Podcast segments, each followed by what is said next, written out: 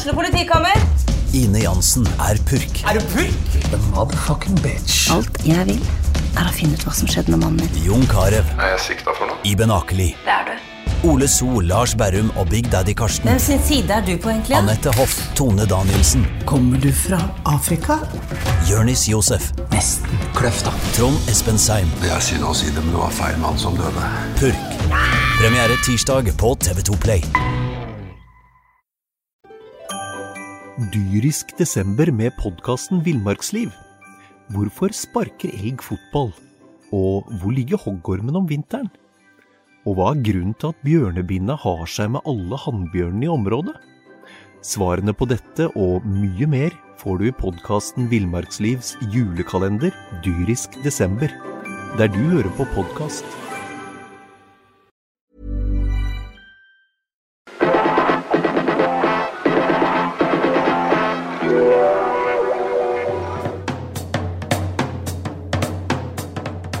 Sarpsborg Arbeiderblad gir deg en ny episode av SA-podden med Sven René Nygård, Øystein Weber, Petter Kalnes og Bjørn Inge Bingen Nilsen. Hallo, og hjertelig velkommen til nok en episode av SA-podden. Hadde vi fire som sitter i dette studioet, gutta, vært henta direkte fra dyreriket, så hadde jeg hatt en eh, vilter, viral, aktiv og ikke altfor stor, men derimot en kar med et hjerte for Sarpsborg i form av Røyskatten. Sven René Nygård. Hei, Sven. Hallo, hallo. På skrått over bordet mitt så hadde jeg hatt en godslig, omfangsrik, gestikulerende, snill, men langt fra ufarlig bamse i Ja, nettopp. Bjørn Inge Binge Nilsen. Hei! Hei, hei. Og du, Øystein Leberg, du kan ikke kalles annet enn et godslig pinnsvin. Takk, jeg trodde du skulle si dovendyr. Sjøl heter jeg Petter Kalnes. Har en benstilling som en nyfødt gnu og blir stadig omtalt som en sel på land av min kjære kollega Erik Langsæter. Lytteren får stryke det som eventuelt ikke passer. Er det noen som ble fornærma av introduksjonen? Nei, det var søtt. Jeg kunne kanskje tenkt meg å ta seg opp til løva, men det blir kanskje for mye av det gode. Ja. Pinnsvin. Ja, jeg er veldig fornøyd, jeg. Og Bingen en svær bamse. Jeg er fornøyd. Fornøyd, det er bra. For å holde oss i dyreriket, Øystein, eh, smakte det fugl av det vi så av Sarpsborg 8 på Nedre Eiker i Mjøndalen i dag? Nei, totalinntrykket gjør jo ikke det. For dette er jo en kamp som forandrer veldig karakter. Eh, eh, vi ser tidvis i første omgang eh, veldig mye spennende, egentlig. Eh, vi ser eh, dødballvarianter. Eh, vi ser en frisk Vikne. Det syns jeg skal understrekes. Han syns jeg er god. Og vi ser eh, mye som, eh, som var lovende. Men eh, hvis du spør om kampen, så, så, så blir den etter hvert litt sånn bytta i stykker i mine øyne. Og, og det er jo noe med at det er avslutningen på det som vi sikkert, husker best. Nå sitter vi her og egentlig bare et kvarter etter at kampen er blåst av. Og avslutningen var dessverre Trakk ned helhetsinntrykket, for å uttrykke det diplomatisk. For de som ikke har sett kampen, vi fikk jo ikke sendt den på SA-TV denne gang, men eh, i en eh, drøy time så er Sarpsborg eh, klart best mot Mjøndalen. Leder 1-0 etter mål av Ibrahima Kone. Vi skal komme tilbake til det senere. Så gjør man en hælskare av bytter etter 65 minutter. Bingen. I tillegg så blir Anders Kristiansen skada. Det skal vi også komme tilbake til. Men alle disse byttene, Bingen, eh, hva gjør det med kampen? Og hva gjør det med følelsen som Sarpsborg 8 har etter matchen? Man mista 1-0, og den siste snøve snaue halvtimen er jo under hver kritikk. Hvis man sier at det er gjennom gode prestasjoner man bygger selvtillit, så er det helt riktig. Og det Stare gjør eh, utover i kampen i dag, det er verken lovlig i seriesammenheng eller eh, kommer til å bli praktisert. Jeg tipper ikke at Uefa eller Fifa sier nå at du kan bytte så og så mange du vil i annen omgang. Dem som kommer inn i annen omgang er ikke så mye dårligere enn dem som går av banen, men det gjør noe med rytmen i laget at så mange bytter skjer i generalprøve før seriestart om en uke, altså 16. mai. Så jeg syns det er helt unødvendig at man uh, gjør den byttene. Vi var gode i første omgang. Vi var gode fram til den byttene kom.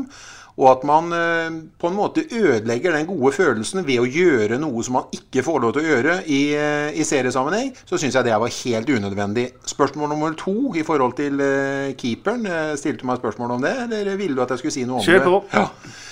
Så er jo det selvfølgelig tråkig at Anders Kristiansen får en lyskeskade, noe som jeg tror er alvorlig. Klubben vurderer nok eh, hva de skal gjøre. Uh, Simen Vittu Nilsen kan man si nå at uh, uff a meg, hva er det han gjør på det målet, og lavere straffe og kunne vært utvist osv. Men hvem i himmelens navn kan forvente den bakoverpasningen fra Dyrestam fra to meter inn til keeper når hele Mjøndalen-laget ligger i press? Det er hodeløst av en rutinert spiller. Få den ballen ut til siden, og ikke sett keeperen inn i de problemene som han fikk ved å få en dårlig touch. Og så spretter ballen ifra, og så blir det straffe. Jæklig dumt. Da bygger du i hvert fall ikke selvtillit på Simen Vittu Nilsen. Klubben må jo ta en avgjørelse ganske raskt om man skal finne en ny keeper, eller om Simen Vittu Nilsen skal senke skuldrene og gjøre seg klar til seriestart mot Haugesund 16. Bra resonnert. Og det er jo den eh, episoden vi snakker om eh, mest etter den kampen her, Sven René. Altså Etter 58 minutter så er det et innlegg der Anders Kristiansen på en måte bare går ut, og lar han ballen gå utover dørlinja si, men så setter han seg ned med en eh, lyskeproblematikk, venstre lyske, og man sier bytte med en gang. Simen Midtun Nilsen kommer inn, har et par ålreite involveringer, men så er han veldig uheldig. I det 87. minutt, som Bingen refererer til, Mikael Dyrestam står 6-7 meter fra eget mål, legger en tilbakepasning til Midtun Nilsen, som forsøker et touch, får et dårlig touch, må ut og kaste seg ned i bena på motstanderen og lave straffespark, som Tony Brochmann etter hvert setter i mål. Sven, skal man gå til Haugesund-kampen med Simen Midtun Nilsen? Vi forutsetter nå at Anders Kristiansen er ute. Eller må man ut og gjøre et panikkjøp eller panikkhenting av en målvakt de siste dagene før uh, seriestart? Det er et eh, vanskelig spørsmål. Eh, Det som skjer i dag, er jo, syns jeg, er veldig veldig kjedelig og tragisk. fordi at vi har en førstekeeper, og jeg har bestandig vært der at den viktigste spilleren på laget er nesten keeperen. Få involveringer, men de er det er målredderne våre. Og det er klart, Når, når han blir skada der, og han Simen kommer inn, og blir satt i den situasjonen som Bingen beskriver, så gjør jo ikke dem det veldig lett for han. Men samtidig så tenker jeg at det, dette er en ung gutt fortsatt. Han er 21 år. Eh, han har lite erfaring. Han har stått svært få kamper på høyt nivå. Eh, det ser vi kanskje også ut av den her problemet han skaper sjøl. I forhold til at jeg er helt sikker på Anders der med det tilbakespillet hadde feia den vekk. Han prøver et tørst, det funker ikke. Og nå skal han da eventuelt hives ut til ulvene i pre premieren her. Jeg er veldig usikker. Jeg er også der at hvis det fins ledige keepere, så kan Simen få lov til å trene litt til. Eh, Fins det noen der ute som er ledige og i utgangspunktet er bedre eller mer rutinerte, så tenker jeg at man må se etter det også. For alternativet er Eller vi må jo hente en ny keeper hvis det blir langvarig. Vi har en tredjekeeper som er 17 år. Og hva om Simen blir skada? Du må ha backup. Og da er store spørsmålet henter vi en som er litt bedre enn Simen, hvis det fins, eller skal vi gjøre sånn som kanskje Bingen mener, hente en som er litt dårligere, men som er tett oppunder, hvor Simen får muligheten?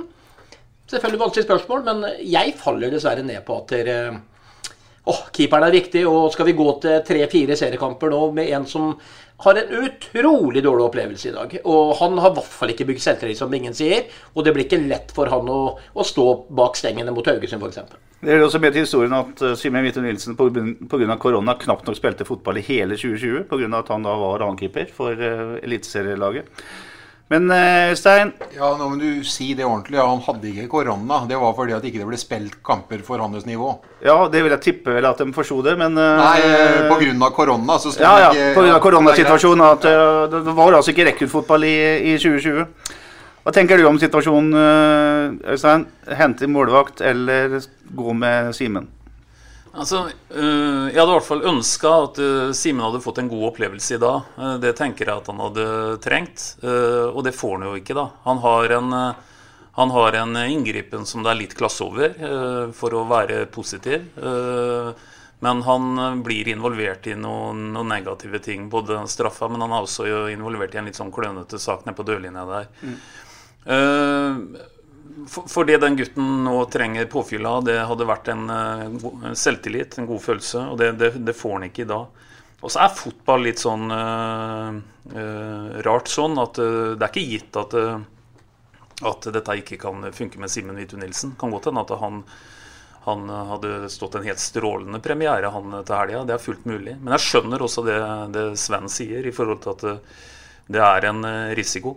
Noe av problemet her, eh, for å være, hvis en skal tenke løsninger i forhold til å eh, finne en, et alternativ, det er jo at det er jo ikke sånn at midt imellom de to butikkene til kona til Bingen så ligger en butikk som heter Keeper-butikk. Det er jo ikke sånn at du kan gå inn i en butikk og, og der har du noen keepere på forskjellige hyller, og du kan legge noen penger på bordet og kjøpe. Så her blir jo spørsmålet hva er tilgjengelig.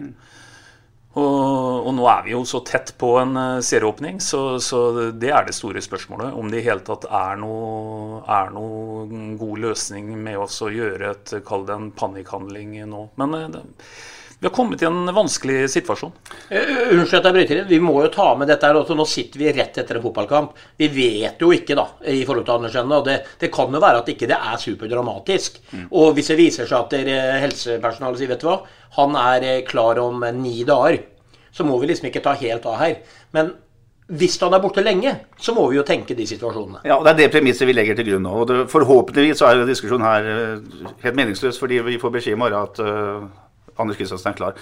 Men Mingen, det har aldri vært brukt mer penger, ressurser, folk på å utvikle fotballspillere i Sarpsborg.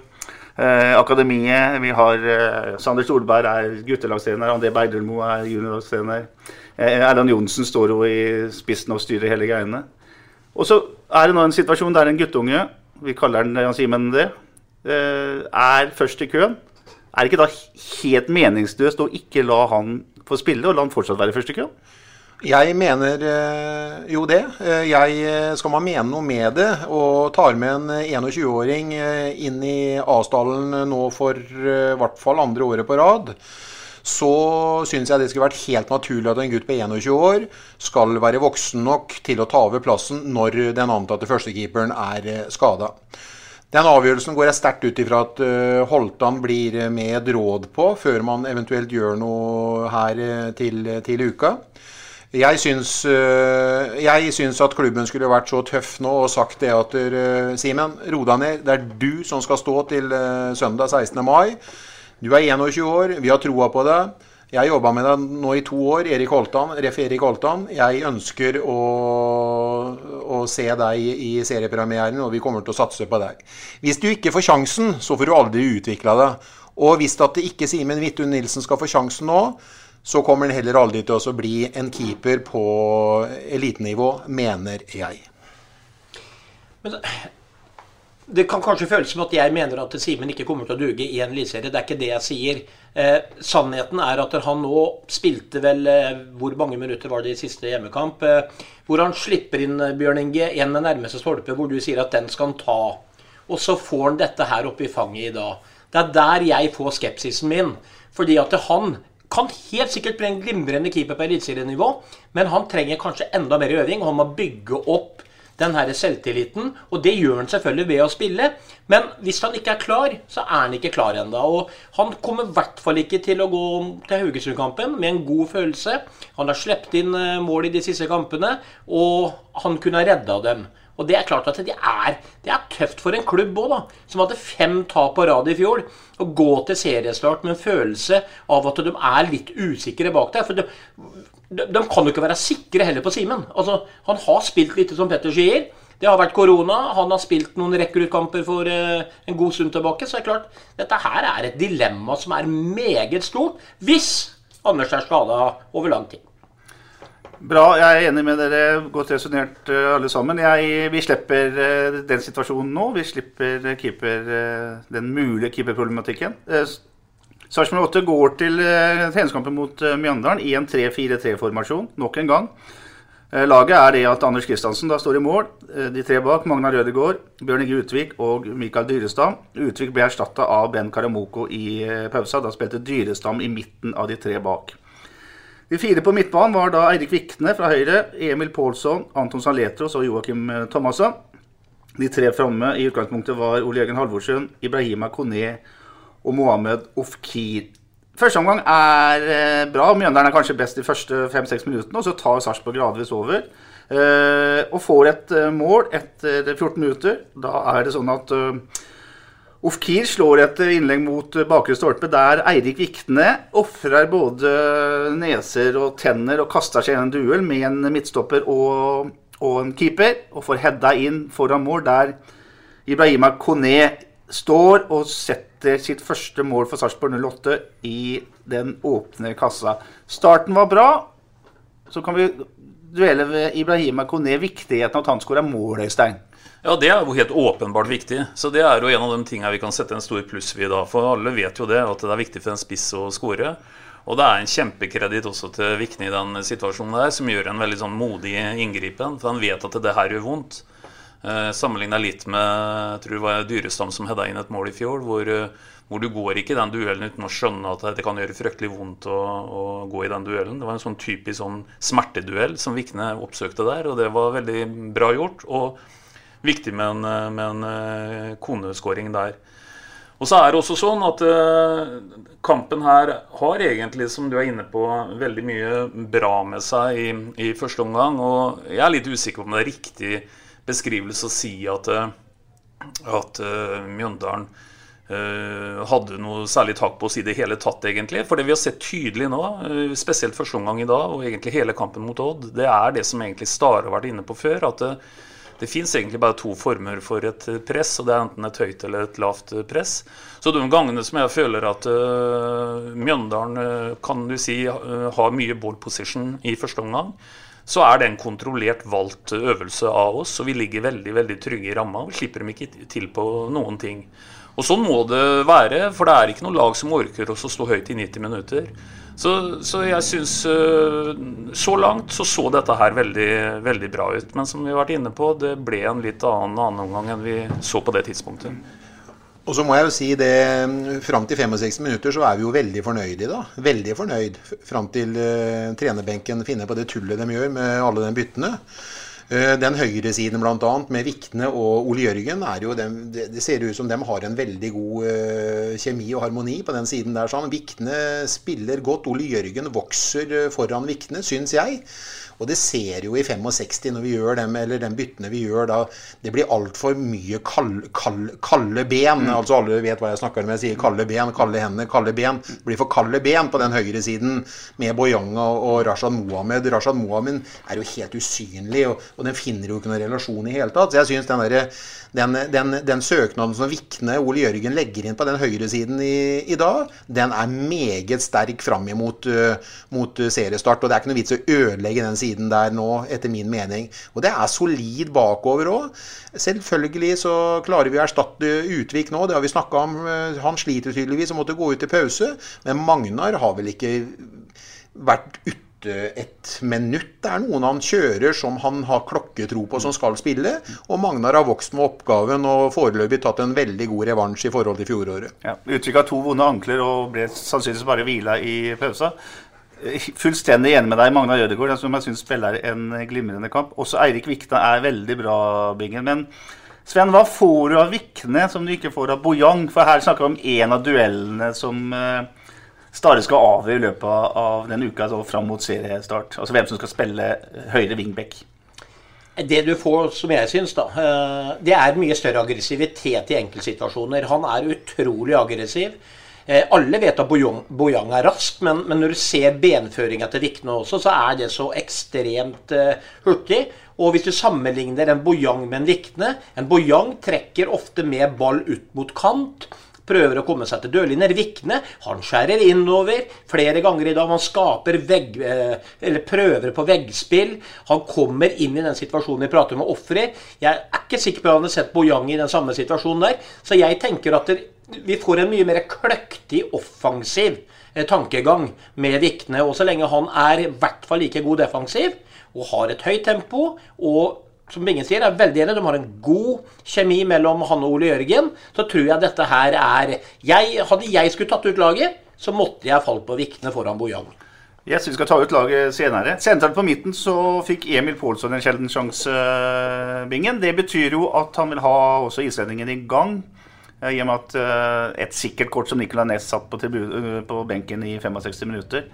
Hva syns du om Pålsson? Ja, Pålsson gjorde jobben. Jeg, jeg skulle gjerne sett at han kunne forlatt den fått hele kampen. For Ness, i, i Ness så vet han jo hva han har. Han skulle jo prøve Pålsson i dag for å se hva han kunne bidra med i forhold til eventuell kort eller skade på Ness og Saletros. Og Pålsson gjorde, gjorde, jobben eh, som man kunne forvente, og da kunne han gjerne fått spilt igjennom 90 minutter, syns jeg. For Ness skal jo starte den serie, serieåpningen allikevel, de sammen med Saletros i den eh, sittende midtbanen. Men Pålsson eh, gjorde jobben sin, så det var faktisk eh, litt mer enn forventa, syns jeg. Mm. Vi kommenterte underveis Øystein, at vi syns Saletros uh, blir dyp. Nå, nå, gjør han jo den jobben han blir satt til. Han er én av to, så du kan jo ikke selge deg for mye av den, nær sagt. Men det er litt for sjelden, syns jeg, at han liksom bidrar med den der styrken sin med å føre ball gjennom ledd og spille gjennom uh, de, de, fremste spillerne på laget. Enig i det? Jeg er enig, og jeg syns at det blir forsterka i den 3-4-3-formasjonen. Uh, for da, da, da syns jeg han har en tendens til å ofte bli litt for dyp. Og det er litt Ja, skal vi si, ja. Det, for meg er det litt sånn ressurssløsing. for for eh, han er en eh, kreativ eh, type som jeg gjerne ville sett mer utfordra på motstanders banehalvdel. Men dette har vi jo på en måte diskutert mye. Så, men nå blir det en mer tydelig rolle med et defensivt ansvar når han, når han spiller i den sentrale toren, sittende toeren som Bingen er inne på. Mohammed Ofkir spilte venstre wing, Sven. Jeg syns han var bra sist. Jeg syns han var uh, tidvis veldig bra i dag òg. Uh, eh, det er jo nok en, et sted på banen der det er kamp om plassene nå. Og Legg merke til at vi fortsatt ikke har snakka om Jonathan Linseth, som vi for en uh, par til podder siden sa var bankers på laget. Kort om Ofkir først. Hva syns du om han? Han, han har jo ikke spilt seg ut av laget, hvis man skal ta ut et lag. Eh, Ofkir har vært frisk i to kamper. Han har kreativitet med ball i beina, han har bra tempo. Han er jo tredjemann på målet i dag, for å kalle det det. Eh, og så må man da på en måte til enhver tid da tenke at der, du må liksom ta sluttpakka på fotballspiller. Altså defensivt, offensivt, involveringer generelt. Hva får vi av Ofkir i løpet av 90 minutter? Hva får vi av en type Linseth i 90 minutter? Så må du liksom på en måte bestemme deg til slutt da, på hva er det vi skal falle ned på. Ofkir ikke spilt seg ut, men det er det jo andre spillere som ikke har gjort også, så det her blir beintøft å ta ut. Vi har venta på Ibrahima Kone-bingen. Vi har sett den på trening og vært begeistra. Eh, jeg satt og, som eh, gammel dårlig midtstopper satt og fikk sånn vondt i tærne når, de, når Kone tråkka på disse midtstopperne hele tida. Det ser ut som det er vondt å møte den. Jeg syns han var, var, var, bra i dag. Tok for seg til, han hadde én svær sjanse som han blåser, og så skårer han et veldig enkelt mål. Uh, det ser ut som Kone kan være en type som på en måte melder seg mer og mer på når det nærmer seg alvor. Er du enig i det? Ja, men, ja han har jo ferdighetene, og han kommer til å skåre mål. Han. Jeg tror nok det var veldig bra for han at han fikk den i dag, i siste kampen. For det er jo opplest og vedtatt at han skal jo spille på den plassen der så lenge han er skadefri. Uh, syns kanskje fortsatt det er litt rart at han slipper seg så langt ned mot midten for å gå i alle de duellene han gjør, istedenfor å være uthvilt og frisk når han trenger det, når, laget, når han er rettvendt mot mål. Mm. Uh, men uh, det finner de sikkert ut av, og det har litt med kanskje rytmen. Nå har han spilt sammen med Ofhir to ganger mot venstre, og så har han hatt Rashad Mohammed, som er litt mer uforutsigbar i forhold til uh, pasningsvalg osv. Og så har han hatt Ole Jørgen noen ganger, så hadde han Linseth forrige kamp. Altså, han har ikke fått seg spilt seg inn i med spilt seg inn med noen faste makkere eh, lengst frem eller foreløpig.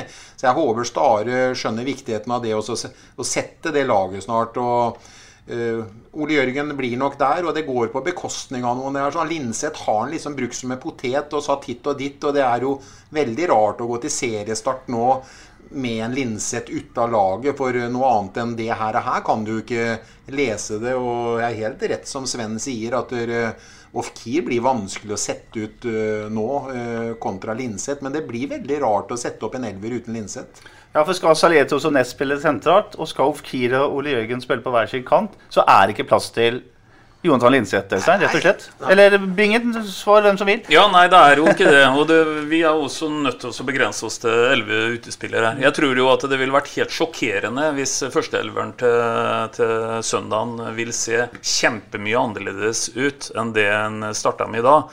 Rett og slett pga. at i dag så, så vi på en generalprøve. Men, men, det er åpenbart noen tette dueller her. Det er helt åpenbart at noen steder så, så er det ikke helt avklart. Så det er nok 14 tenker jeg, som kjemper om 11 plasser. Mm. Og Det kommer jo godt med at man har mye folk, for etter at man har spilt mot Haugesund, så er det riktignok en pause fra den 16. til den 24. mai. Men så kommer altså Odd 24. KBK 27.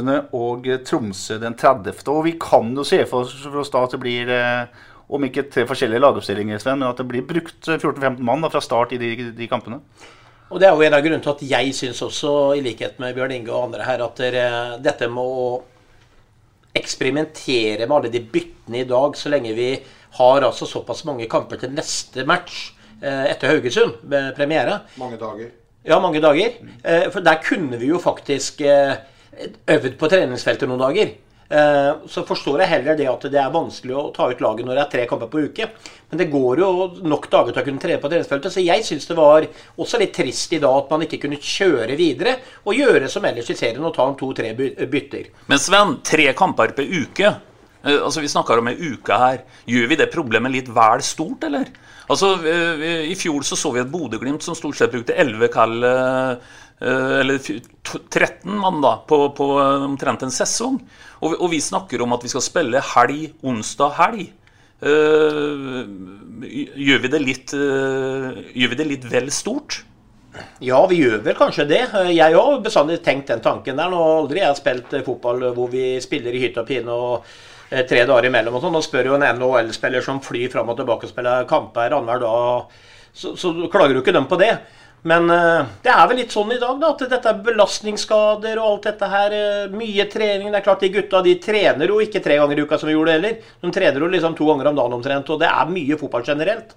Men det er klart at dere, mange av de spillerne må jo ha fysikk, som du sier, med å kunne spise godt og drikke bra, og klare å gå tre, tre dager mellom en kamp. Ja, så kan jo Solskjær mene noe om å spille søndag, tirsdag, torsdag, men altså, jeg er helt enig med Øystein. Altså, det her går an å, å klare her. Og dessuten, etter denne Tromsø-kampen 30. mai, så er det altså 14 dagers pause. Ja, Det er det som på en måte er litt av poenget mitt. Mm. Vi, nå, vi, vi, diskuterer nå akkurat som vi skal inn i et helt utrolig tett kampprogram. Vi skal egentlig ikke det før vi kommer til midten av juni, med ett unntak. Og det er én uke hvor vi spiller helg, midtuke, helg. Mm. For uh, det er jo sånn som vi er inne på nå, at for det første så kommer det åtte hele dager fra den første til den andre serierunda. Og så sier du, Petter, at da får vi to tette kamper etter det. Og så kommer en kamp til, og så er det jo pause. Mm. Nei, men det, vi, vi, det, er ikke vi som lager det til et stort problem Weber. Jeg er selvfølgelig helt enig med deg. Men det er trenerbenken vår som gjør det til noe mer enn det det burde være. Og da mener jeg at det er helt unødvendig å ha 11 pluss 6 bytte pluss keeper. Da, det er helt helt unødvendig å ha 18 spillere i sving i dag, når du refer refererer til uh, Bodø-Glimt, som brukte 13-15 i en hel sesong i fjor og vinner så overlegent og skårer over 100 mål. Ta så Begynn å konsentrere om å sette et lag, istedenfor å holde på å svime sammen med huene til spillerne i uh, den uh, generalprøva nå før, før seriestart. Jeg synes det var jeg, jeg, egentlig er jeg jævlig irritert på det ennå. At vi gjør sånn som vi gjør og ødelegger kampen og spiller på oss dårlig selvtillit. Det her ja, kan ikke være riktig. Nei, jeg er enig, Bingen. Jeg er ikke bestandig enig med deg, men her er jeg helt enig. Og jeg syns på en måte at du får noe, og du taper noe med alt egentlig som du på en måte beslutter. Men jeg tenker at her får du faktisk noe ved å spisse dette ytterligere inn mot eh, færre mennesker, enn å eh, ta alle mulige hensyn nå i forhold til å breie ut dette her pga. tre kamper på en uke. Mm altså Laget som helhet har, har, åpenbart en dårlig følelse etter at de, eh, den siste halvdelen av annen omgang er såpass dårlig. Men det er klart dem som spiller de første 65 minuttene nå, de må tross alt gå av dette med en, en god følelse. For da var jo Sarpsborg 08 bra. Eh, vi har tidligere nevnt at man er god i overgangsspillet. Eh, man skaper ikke veldig mye mot etablert eh, Mjøndalen-forsvar denne gangen heller, men det er litt bedre enn forrige gang. Men så er det en interessant detalj som vi snakka om underveis, gutter. Det er dødballene. Eh, Vi så en tre-fire eh, cornervarianter, bl.a. Vi så bl.a. et par korte der eh, Saletos tar med seg Ofkir og engasjerer eh, med kortpasningsspill som ender opp i gode avslutnings- og, og innleggsmuligheter. Han heter Patrick Persson, han eh, svensken som har eh, kommet inn som dødballtrener. Jeg har to spørsmål. For det første så lurer jeg på hva man har gjort tidligere i år. Eller tidligere år. Hva har trenerteamet gjort? Hva gjorde de i fjor? Hva gjorde de året før? Når det kommer én kar inn og setter fokus på det, så blir det plutselig mye bedre. Hvorfor har man ikke satt fokus på dette før? Og det andre så, bare for å, det andre jeg tenker på, Bingen, er jo at eh, Persson må tydeligvis ha en misjon når man allerede ser resultatet så fort. Hva tenker du om uh, dødballandet, Bjørn Inge? Ser jo tydeligvis uh, allerede nå at det har båret frukter. Det er jo Tom Freddy som egentlig har vært dødballspesialisten og stått igjen med et visst antall spillere etter, kamp, etter treninger og så kjørt dødballene tidligere år. Det er jeg jo helt sikker på at sånn har det vært. Men nå har vi fått inn en som har virkelig fokus på det, og ikke tar det med venstrehånda. Det bærer jo frukter, og det er jo flere varianter. Og foreløpig så har vi vel ikke satt noen, men at det her bare er et tidsspørsmål før kommer til å skje, det er jeg helt overbevist om. For vi begynner å bli veldig uforutsigbare i forhold til hvordan vi både øh, legger cornerer og dødballer generelt, hvis ikke man skal gå for skudd. da. Så han har hatt en, en finger med i spillet, det ser vi tydelig. Dyrisk desember med podkasten Villmarksliv. Hvorfor sparker elg fotball? Og hvor ligger hoggormen om vinteren? Og hva er grunnen til at bjørnebinna har seg med alle hannbjørnene i området? Svarene på dette og mye mer får du i podkasten Villmarkslivs julekalender dyrisk desember, der du hører på podkast. At man ansetter en trener er jo én ting, men man har også brukt mye tid på det. Altså, Stare har latt han få store deler av flere treninger. Eh, og Det viser også hvor viktig det er. Og Det, er jo, det høres jo nesten helt sånn rart ut at ikke man har prioritert dette her mer tidligere. Ja, nå vil de sikkert hevde at det også har vært prioritert tidligere. Men det er ikke noe tvil om at, at det har vært nye øyne inn i dette her. For det var jo en periode i, i første omgang der hvor, hvor, vi ikke så to like dødballer på rad. Men vi må også huske på en annen ting, da, selv om en blir litt festbrems kanskje i forhold til det. Vi skårer ett mål i dag. Uh, og da er vi litt ved kjerna ved problemet igjen. Uh, uh, de to siste sesongene så har vi et målsnitt som ligger omtrent der. Og, det må opp. vi har snakka om sluttprodukt. Det blir litt for lite sluttprodukt også i dag. Vi snakker om 65, at kampen blir på en måte litt som bytta i stykket etter 65 minutter. Men det er fortsatt sånn at vi, vi skåra ett mål. Mm. Så vi, vi, må ikke liksom det er, det, er for, det er, vanskelig å vinne fotballkamper da, med over tid og bare skåre ett mål. For du får ofte igjen eh, bakover. Og, og der er vi ved noe av kjerna av utfordringen, tenker jeg. Ja, enig. Hvis vi ser bort fra Anders Kristiansens skade etter 58 minutter, så er de første 65 eh, bra. Men etter 65 minutter, og dette har noe, ingen forkleinelse til dere som kommer inn, men da blir det altså eh, Vikne erstatta med Bojang, Pålsson erstatta med Ness. Saletos erstatta med Linseth. Eh, Halvorsen med Rashad Mohamed, Mohammed. Ibrahima Kone med Stephanie Skålevik. Og Ofkir med eh, Soltvedt og Sven. Når du kommer inn der sammen med da syv nye spillere eh, I hvilken grad klarer du å sette preg på en fotballkamp da? Er det ikke bedre at dem, dem som eventuelt skal prøve å spille seg inn på laget, kommer inn i en elver som fungerer? Her blir jo helt omveltninger på laget. Ja, nei, ja, det, jeg er helt enig. Det, vi skulle sett den der startelveren i dag ut hele kampen minus én eller to bytter. Ferdig med det.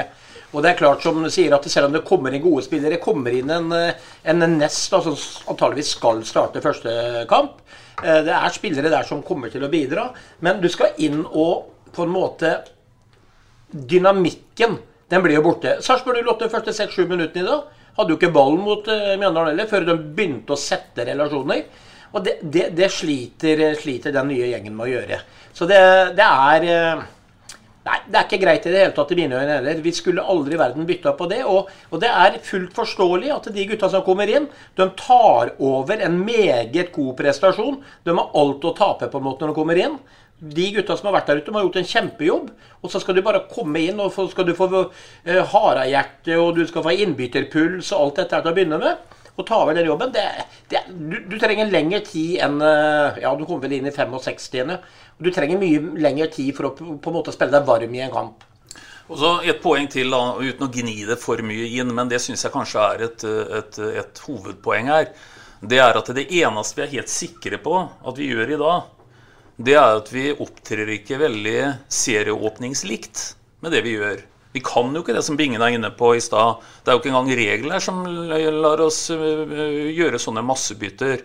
Og, og, i mitt hode uh, så, så, tenker jeg alltid tenkt sånn at en generalprøve bør være så serieåpningslik som mulig. Og jeg kommer ikke på noen generalprøve jeg har sett de siste åra som, uh, som har båret mer preg av å, ha sånn treningskampbytteregime enn akkurat det vi så i dag. Og så er det sikkert grunner til det, men, men vi kan i hvert fall slå fast at vi kan ikke engang se det vi så i dag, for det er utafor regelverket. Ja, det så ut som en første av tolv treningskamper. Nå var det heller en siste av uh, fem. Vi skal slippe det, og så skal vi begynne med en uh, øvelse som heter å ta ut laget. Og dette skal Stare bruke neste uke på. Petter, skal jeg bare si en ting igjen? En liten digresjon. Hvis ikke opplysningene mine er feil nå, så har vi altså spilt med avsluttende serie i fjor høst og treningskamper i år med drakt som har vært få. Så har vi spilt 15 kamper og vi hadde muligheten til å ta den andre seieren på rad i de 15 kampene. Så nå har vi altså tatt én seier på de 15 siste kampene. Og da hadde det vært fint å kunne spilt hjem den her kampen i dag med en 1-0-seier før vi tok serie, seriestart. Ja, jeg er helt uh, enig med deg. Vi setter opp et lag, og vi gjør det i 3-4-3. Den formasjonsdiskusjonen bør vi nesten ikke ha, for nå, nå, må vi vel anta Vi kan ta to minutter med det først, Sven. Vi må anta nå at han stiller i 3-4-3 mot Haugesund. Ja, det er jeg stort sett helt sikker på. Og det er klart at Vi har diskutert opp og ned og fram og tilbake. Vi prata om 4-4-2 eller fire mann bak, da. Mm. Og, og, og, flere her snakka varmt om det, inkludert meg. Men samtidig med den treeren bak, når de her vingbekkene faller ned, og som Øystein var inne på, vi spiller med lavt press eh, vi er jo nesten umulig å skape sjanser på, så det er veldig trygt. Og Klarer vi da i tillegg til å ta det overgangsspillet som vi gjorde perioder i første omgang i dag, så er, kan 08 bli svært interessert. Så akkurat det systemet er jeg helt sikker på. Mm. Noe som er noen, mot, noen motsetninger til det Sven sier der? Nei, det blir jo det nå. Vi, så uforutsigbar kan ikke Stare være at vi spiller 4-4-2 i seriestart uh, nå, når vi kjører med tre bak uh, hele tiden. Nei, det blir iallfall jeg sjokkert over. Ålreit, vi tar ut laget. Keepersituasjonen har vi snakka om. Der er det åpent hva som skjer. Det vet vi ingenting om. De tre bak. fra høyre Magnar Ødegård, Bjørn Inge Utvik og Mikael Dyrestam. Noen som har noen innvendinger mot det? Er Karamoko en reell trussel mot noen av de tre per nå? Ikke, ikke første seriekamp og til å begynne med. Eh, ikke i mine øyne.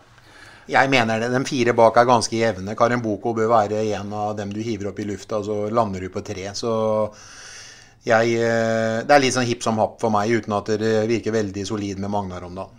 Ja, Min kommentar Petter, det er at det var igjen en generalprøve i dag. og og det ville vært veldig ulogisk for meg hvis ikke det er de tre som starta kampen i dag, som er de tre som starta kampen mot Haugesund. Punktum. Ja, og byttet til Utvik må skyldes at han har et par dårlige ankler, som sagt.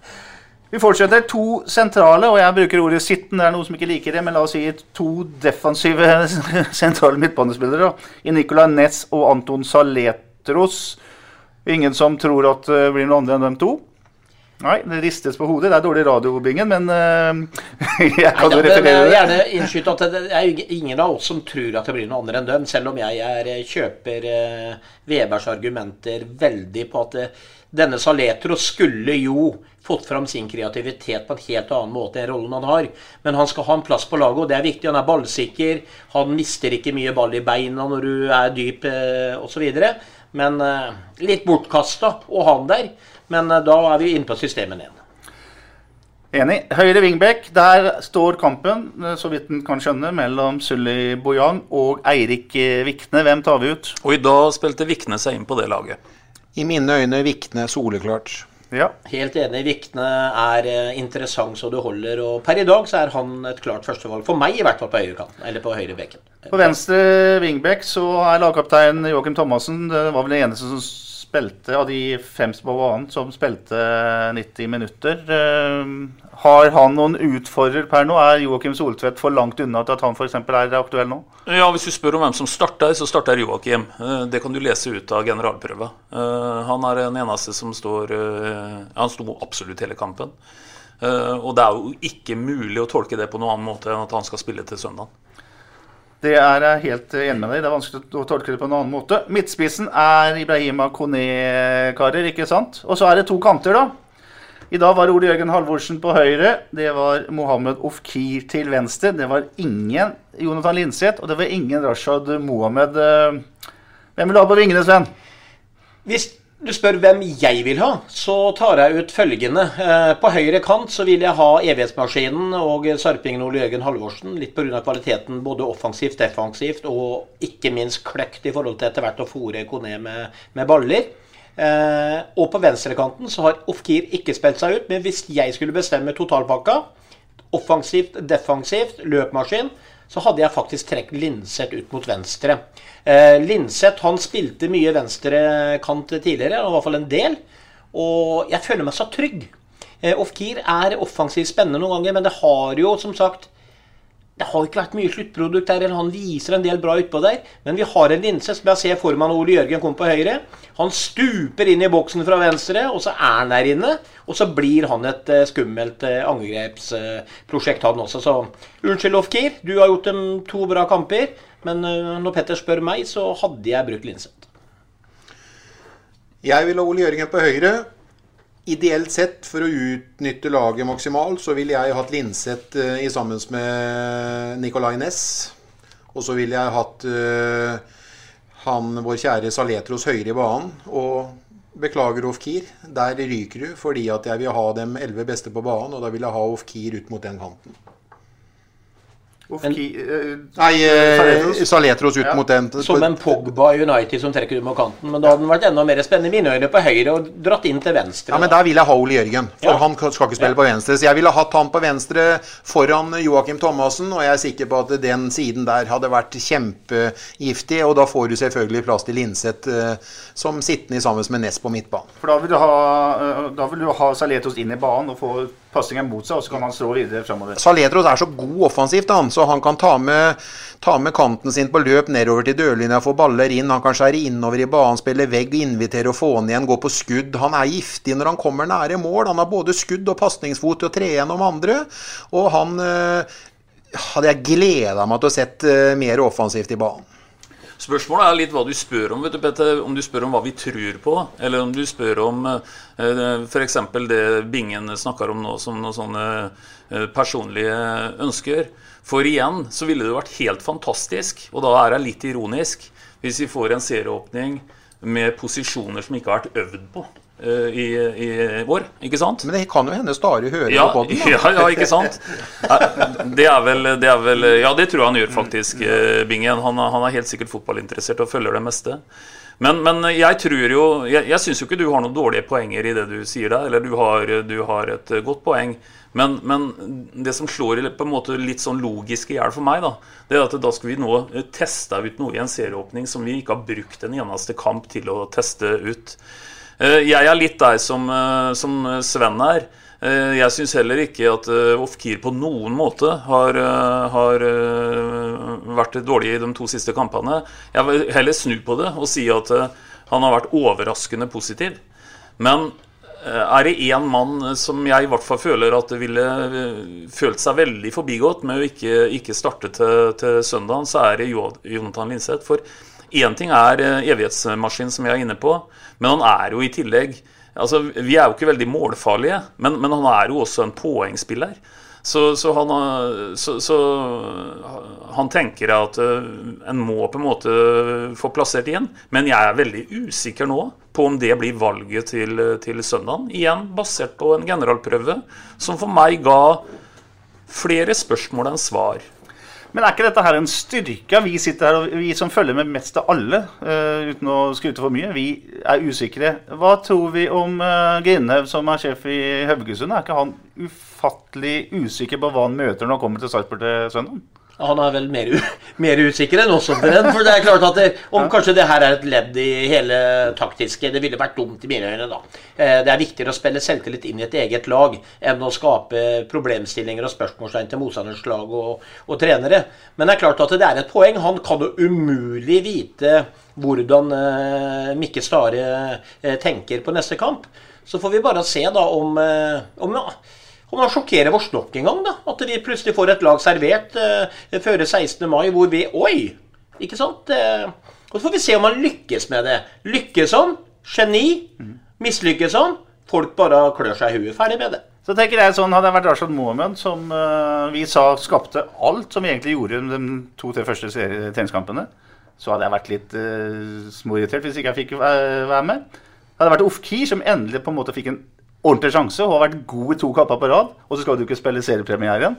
Er det noe vits i å ha treningskamper? Er det noe vits i å ha noe, noe amerikansk uttagning hvis ikke du altså, lar dem som er gode, få premiere, for premien i form av å spille kamper? Nei, det er et godt uh, poeng. Samtidig så er det dette her som kommer til å være et dilemma nå. Vi, vi har veldig mange som uh, Vi har jo diskutert hvorvidt vi kanskje føler at vi kunne hatt en annen prioritering i forhold til at en hadde hatt noen som virkelig eide noen plasser. Noen gjør jo det, uh, men, uh, men, det er jo det er noen uavklarte punkter her. Og det eneste jeg tror vi kan være helt sikre på, Peter, det er at når laguttaket blir kjent senere i uka for spillerne, så er det noen som blir fryktelig skuffa. Det er sant. Men ok, Mikael Stare, her har du forslag til laget fra fire gamle kaller Keeperen må du finne ut av sjøl.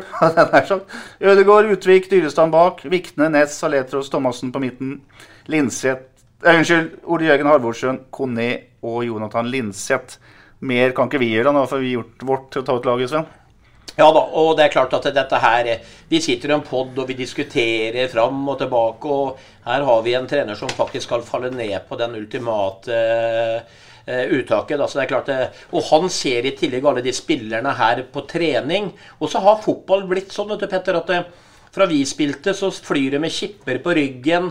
Eh, det er en av grunnene til at jeg faller litt ned på Linseth. Man ser hvor mye løper man, hvilke rom dekker man. Du mister ballen offensivt. Linseth er slave, for å kalle det som et ord, hjem på egen side.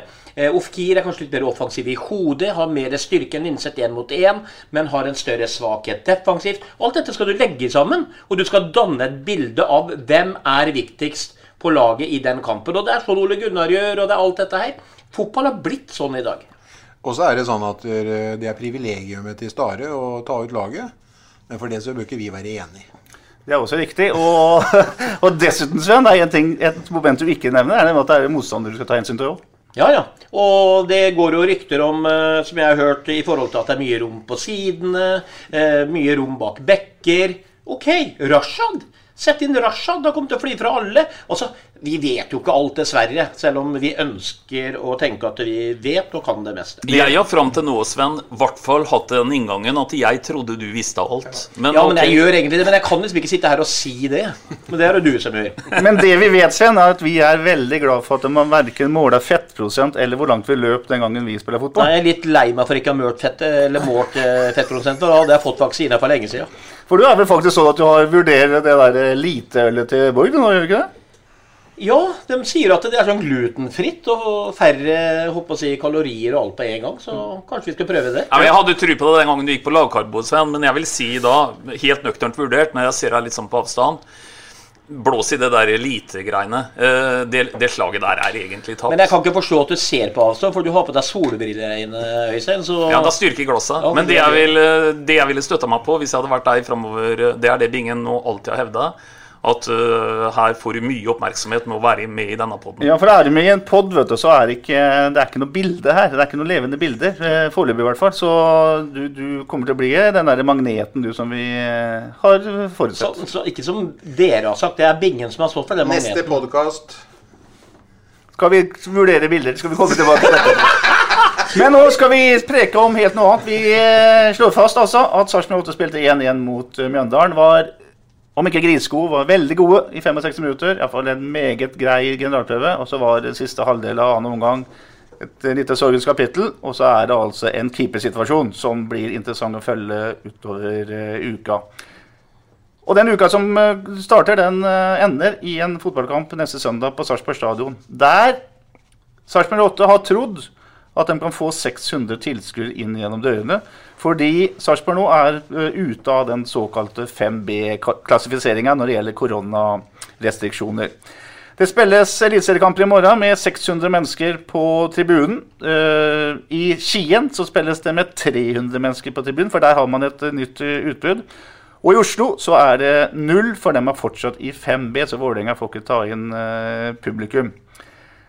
Klokka 17 på søndag Weber, så skal formannskapet i Sarpsborg uh, diskutere en ny forskrift, altså lokal forskrift, som gjør at uh, 08 ikke får lov til å ta inn mer enn 100 tilskuere på matchen mot uh, Haugesund.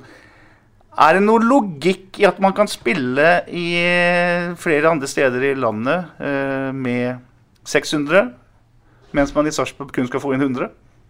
Nei, Det jeg i hvert fall kan si, det er at uh, dette er et såpass kall det alvorlig tema. Så hvis jeg hadde vært, uh, jeg hadde vært uh, en del av styret i denne byen, så ville jeg nå veldig støtta meg på det som er hva skal vi kalle det, lovverket som gjelder nasjonalt.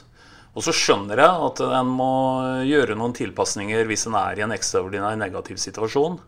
Eh, du nevnte jo eh, Grenland-området osv. Men nå tyder jo alt på at vi er jo ikke der. Så, så hvorfor en nå skal uh, det gjøre noen konkrete lokale vurderinger som, uh, som, er i den gata du nå beskriver, det syns jeg virker litt uh, pussig. Jeg må si det.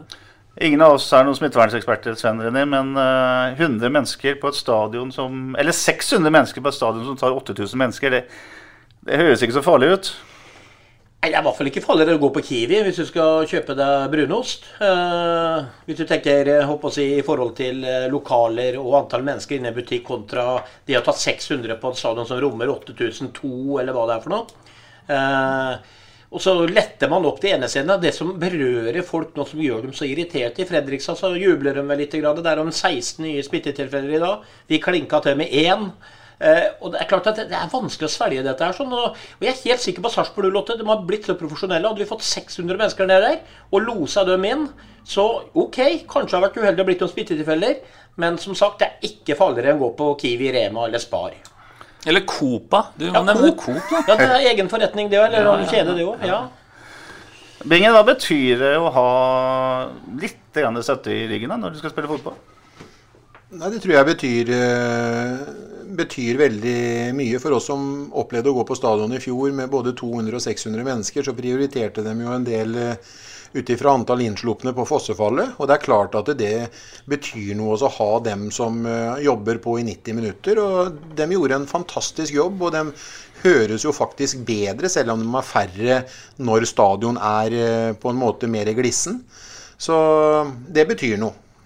Når det er sagt, eh, Øystein, så sitter vi her og sier det er vanskelig å ta ut et lag. Men det er jaggu ikke lett å, å, være politiker eller eh, sitte i sentrale roller i, i kommuneadministrasjonen i de tider man er inne i. og Det må vi også ta med oss her. Det er en vanskelig øvelse å være sjef, når man, for å kalle det det, når man skal styre i en koronapandemi? Ja da, jeg er helt enig i det. Og jeg misunner dem ikke, ikke den posisjonen. Og er veldig glad for at jeg slipper å ta det ansvaret. Men nettopp derfor så ville jeg tenkt sånn at uh, nå vil jeg lene meg maksimalt på det som var, kan du si, litt uh, riksdekkende regler. med mindre da, det ikke var helt ekstraordinære situasjoner i, den, i, det området vi bor i. Og nå tyder det jo på at vi, det er jo egentlig ikke det, da. Det er derfor jeg syns at det er litt rart at en ønsker å, å ta på seg det tunge ansvaret der og ta ta noen beslutninger her som avviker fra det som uh, gjelder rundt forbi. Ellers så syns jeg som vanlig at det er alltid interessant å høre uh, Bingen uh, snakke om smittevern. Jeg vil si at han, han har jo tidligere vært poddens Tegnell. Nå vil jeg si at han har tatt et skritt opp, så jeg vil si at heretter kommer jeg til å kalle Bingen for poddens Chartersvein. For dette her kan virkelig, altså.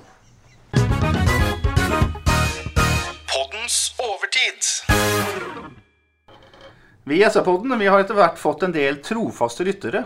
Noen av dere er flinke til å gi oss tilbakemeldinger, innspill, ris og ros etter de ulike sendingene. Vi får også forslag til temaer som man ønsker at vi skal diskutere i podden. En av dere som hører på, er Christian Rusjetta. Christian er utflytta Sarping, bor i Oslo, tror jeg, men er glødende opptatt av Sarpsborg 08. Kristian han er opptatt av kunstgresset, og ikke minst kunstgress på Sarpsborg stadion. Han lurer på om det kan være en uh, sportslig ulempe for Sarpsborg 8 at det er kunstgress der og ikke uh, naturgress. Men han er først og fremst opptatt av skadeproblemene som kan skyldes kunstgresset. Han nevner Mate Malers, han nevner Guillermo Molins og kanskje også Kristian Fardal Opseth, som, som har skader som kan skyldes underlaget. Kristian minner også om at naturgresset på Sarpsborg stadion i alle år ble omtalt som et av landets aller beste, og mener at vi i Østfold har klimatiske forhold til å ta tilbake det gressteppet som jo var fantastisk bra. Og så er det selvfølgelig sånn, som Kristian sier, at uh, kunstgress uh, er økonomisk også mer lønnsomt enn naturgress. I hvert fall så er det det som er den gjengse oppfatning. Veldig interessant det du tar opp, Kristian. Eh, takk skal du ha for det. Eh, Øystein, la oss starte med et spørsmål om eh, skader. Kan det skyldes underlaget, tror du? Ja, Nå blir jo jeg en slags poddens svar på Chartersveien når jeg skal svare mm. på det. For det, det vet en jo, vet en jo egentlig altfor lite om. Men det er klart at det er noe med å se på de erfaringene som, som er. og og det er interessant, den der eh, rekka med, med folk som du, du nevnte i stad. Mate Malertz, du har Molins, og du har kanskje til og med en Fardal Opseth. Som, som fellesnevneren på de tre er at de kommer fra, fra naturgress. I hvert fall eh, ja, alle tre. Eh, som det siste de har gjort før de nå beveger seg inn på kunstgress. Ehm, jeg syns det er vanskelig å svare på, men det er klart at det, eh, det er ikke umulig at, eh, at det har en eh, sammenheng, pga. at det er noe annerledes med, med friksjon på et kunstgress kontra det gode, gamle naturgresset, naturligvis. Mm. Men Sven, mange av de spillerne som kommer i dag, har jo ikke vært, nesten ikke vært på noe annet enn kunstgress. Er det ikke det da unaturlig at man skal få skader pga. det? Jo, og det, det, er jo Jeg har lest litt forskning eh, rundt dette her. Det er jo ikke helt ny forskning, da, men eh, det er binge himla med øya. Nygaradisk forskning. Nei da, men, men, mange mente jo i hvert fall det tidligere, da, at det er 98 mer skader på kunstgress, var det faktisk et eh, mm. oppslag. Eh, og det kan vel sikkert være noe rundt det, men samtidig tenker jeg at det, det viktigste her er åssen kunstgresset er. fordi vi, det gamle Sandbakken, f.eks., mm. hvor man da fikk et gammelt kunstgress hvor det ikke var kuler i og da blir det Du står fast. Men dagens kunstgressbane, da, da, har du på en måte friksjonen er litt mindre. Kan sammenlignes med gressbane hvor knottene flytter seg. Før i tida så gikk vi jo rett ifra grovpukken nede på Borgar til gressbane, og det ble ikke så veldig mye skader da heller. Men det er klart, det, det, økonomi er jo alt oppi dette her i norsk fotball, antageligvis. Flerbruk, og du kan uh, bruke de banene hele året og alt dette her. Men det er jo litt rart at ikke det kommer en mer konkret forskning synes jeg, som sier at det her kunstgresset er ikke bra, men det har egentlig ikke kommet så mye av det. Nei, og som dere skjønner, nå sitter vi og synser litt, men det jeg vet, er at man har satt litt fokus på dette her i Sarpsborg 8. Vi hører i radio omveiene at man uh, lurer litt på f.eks. om de kulene som ligger i kunstgresset er for gamle. Jeg tror man uh, beholdt uh, brorparten av de kulene da man skifta kunstgresset forrige gang. Og, og, jeg tror man er opptatt av, at, opptatt av temaet i Sarpsborg 08, at man kanskje går litt dypere inn i materia. Eh, en annen ting med kunstgressbingen, det er altså nå går man inn i en liga der eh, alle laga, eh, bortsett fra Lillestrøm, Brann, Haugesund, Rosenborg og Stabekk, ja, og Sandefjord og Haugesund, så det er 9-7 i kunstgressfavør i norsk toppliga nå. Hva slags hva slags følger får det for, for, eh, spillet, for intensiteten i spillet, eh, at man er på kunstgress og ikke på naturgress? Så jeg tenker på taklingsspill, eh, alle disse elementene her. Glidetaklingenes tid er i hvert fall forbi på, forbi på, mm. på kunstgress. Det er jo helt sikkert. Det var, det var mer, mer sugende taklinger tidligere på naturgress. Jeg vet ikke hva slags betydning det har hatt, jeg, men det skulle utvikle fotballen i Norge. Og at vi skulle på en måte bedrive en helårsidrett med, med kunstgress, og vi skulle få den nye kunstgress generasjon som skulle ta over og utvikle norsk fotball i forhold til eh, ranking osv. Men vi har jo ikke akkurat eh, kommet dit at vi har erobra fotballverdenen med å gå til EM og VM eh, i ett sett her. Vi sliter jo voldsomt selv om vi spiller på kunstgress. Så hva som egentlig vi har fått ut av å komme i kunstgressgenerasjonen sånn internasjonalt sett, så har det jo ikke gått den riktige retningen. Så det er vanskelig å si, og jeg skjønner dem som mener at vi skal tilbake igjen til naturgress, men det er ikke noe Jeg får si som eh, Veberg sa, det er ikke så lett å svare på det her. Og du blir litt chartersvein når du stiller den spørsmålet her sånn. Helt enig, men, men det var ikke egentlig altså, kun, altså, øh, At kunstgress kom, og kunstgress ble utvikla var ikke det egentlig i utgangspunktet ment som en utviklingsarena? At man skulle bruke det for å senere enklere teknikk med unge folk osv. Og, så og unge talenter? Etter hvert så har det også tatt over også elitefotballen. Eh, nå har det nettopp vært en avgjørelse i Brann der, eh, der, man ønska, altså ledelsen i Brann ønska å legge kunstgress, men det ble nedsendt på et eh, årsmøte. Noe som egentlig gjør at Brann har helt elendige treningsforhold i Bergen, og kunne fått glimrende treningsforhold på Brann stadion ved å legge kunstgress. Hva er egentlig det korte svaret på at det nå er altså 9 av 16 klubber på kunstgress i Eliteserien i, i Norge? Det ordentlig korte svaret? Nei, Det er et svaret som jeg vet du har. Økonomi.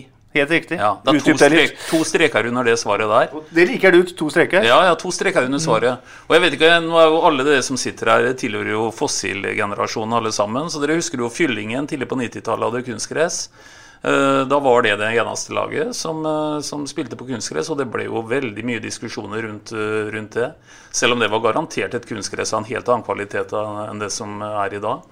Jeg vet ikke om en helt så at det skulle komme i så stort omfang som det gjorde.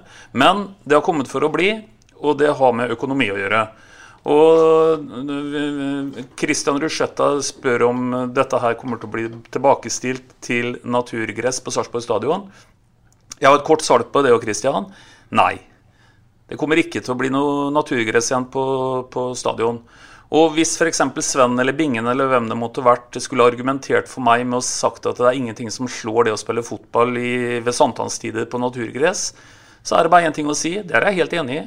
Alle er enig i det. Det er å slå inn en åpen dør, som det heter. Men det er totaliteten i det. Det er å kunne, kunne ha en arena som du kan bruke mer eller mindre året rundt hvis du har undervarme i tillegg. Og du får en helt annen økonomi i det enn å drive og pleie et gress som vi skal være ærlige med hverandre og huske på at veldig få fikk frekventere. da. Det var jo ikke så veldig mange som fikk bevege seg ut på hovedmatta i, i distriktet, i hvert fall ikke i treningssammenheng. Så har de jo terminlister i norsk fotball i dag også, som på en måte nesten har lyst til å begynne i slutten av mars. Og så spiller de cupfinaler på lille julaften. Og det er, det er liksom det, det er jo ikke alle som klarer å oppdra et naturgress eh, året rundt heller. ikke sant? Og det er, eh, det er masse fordeler med, med, med kunstgress for uh, Fotballforbundet også, som ønsker terminlister som kan tilpasse seg Europa osv. Så, videre. så det her, her er Men helt enig med Øystein, økonomi er uh, hovedgrunnen. Men vi var jo ikke bortskjemte før. altså Vi spilte jo på grusbaner. Og de er jo bortskjemte i dag, hvor de kan komme ut og trene på en oppvarma kunstgressbane. Det er mykt, det er dempa. Så det er klart at det er en del fordeler ved dette her òg. Men skadeopplegget er et problem. Og det med sklitaklinger jeg fatter ikke det. Får et skrubbsår der òg, antageligvis. Men når du kunne takle på grusen før, så er det Det, det er merkelig. Fotballen har blitt, eh, blitt, litt annerledes, uten tvil. Absolutt. Og fotballnostalgikeren min sier at du skal bli møkkete når du spiller fotball. Du takler, du takler jo aldri, da, men du ble vel litt møkkete for det? Jo, men du, du taper den diskusjonen, skjønner du, Petter. For uh, tida går. Ja. Og, og pengene rår, si. Og pengene rår, og ting utvikler seg. Og én ting skal vi jo kunne si, da.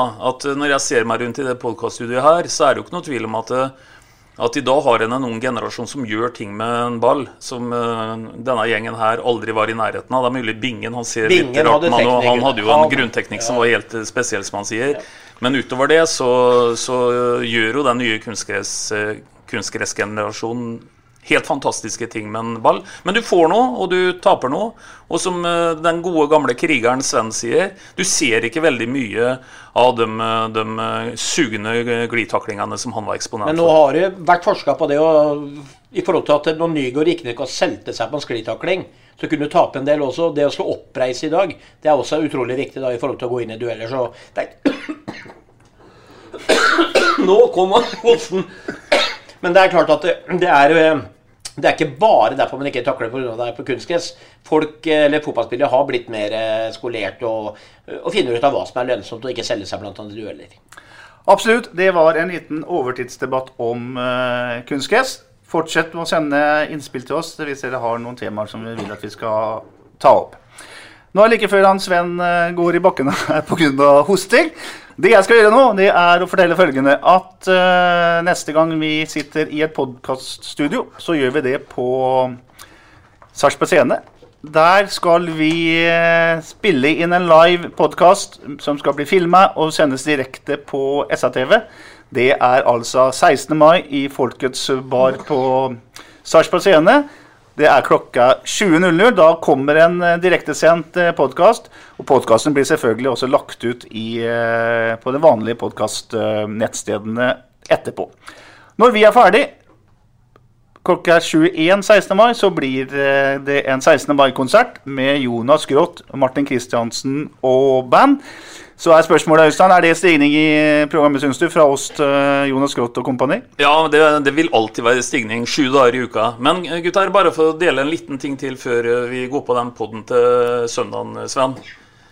Eh, du, du, har satt et eller annet i halsen? Ja, vet du hva, ja, er, ja. jeg har sånn dårlig pusteteknikk. Men jeg har aldri Petter sier at jeg går ned pga. hosten. Jeg har aldri gått ned pga. hosten. Nei, men hør nå, gutter. Jeg skal ha på meg sånne sløyfe. Sånne hvit skjorte og sløyfe. Hva skal du kle deg i, Bingen? Du pønta deg litt, eller? Jeg skal pynte meg. Ja, Men du, vil, vil, du lar det ligge der? Du sier ikke noe mer om det? Nei, men, en cliffhanger der? Nei, men jeg kommer nok til å Det jeg hadde på meg i barnetoget og utover formiddagen, det har jeg letta litt på, så jeg kommer nok sånn som jeg gikk på Dickens i gamle dager, sånn i 4-5-tiden. Det, det, vil jeg tro. At sånn er det. Her kan det bli bermudashorts, tenker jeg. Og solhatt. Det er festdag fotballens festdag. Og skal man feste, så må man ikke bestandig ha på dress. Nei vel. Nå skylda oss inn en debatt om klær. Jeg tror vi lar dette være nok for i dag. Tusen takk for at dere hørte på. Vi høres altså igjen 16. mai klokka 20. Da får dere se åssen det ser ut når vi spiller inn en uh, eh, podkast. Inntil det så sier vi vel som alltid vi prekes! Vi prekes. Vi prekes. Vi prekes. SA-podden presenteres av Fleksi. Regnskap med et smil.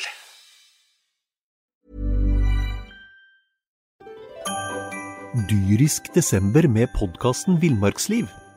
Hvorfor sparker elg fotball? Og hvor ligger hoggormen om vinteren?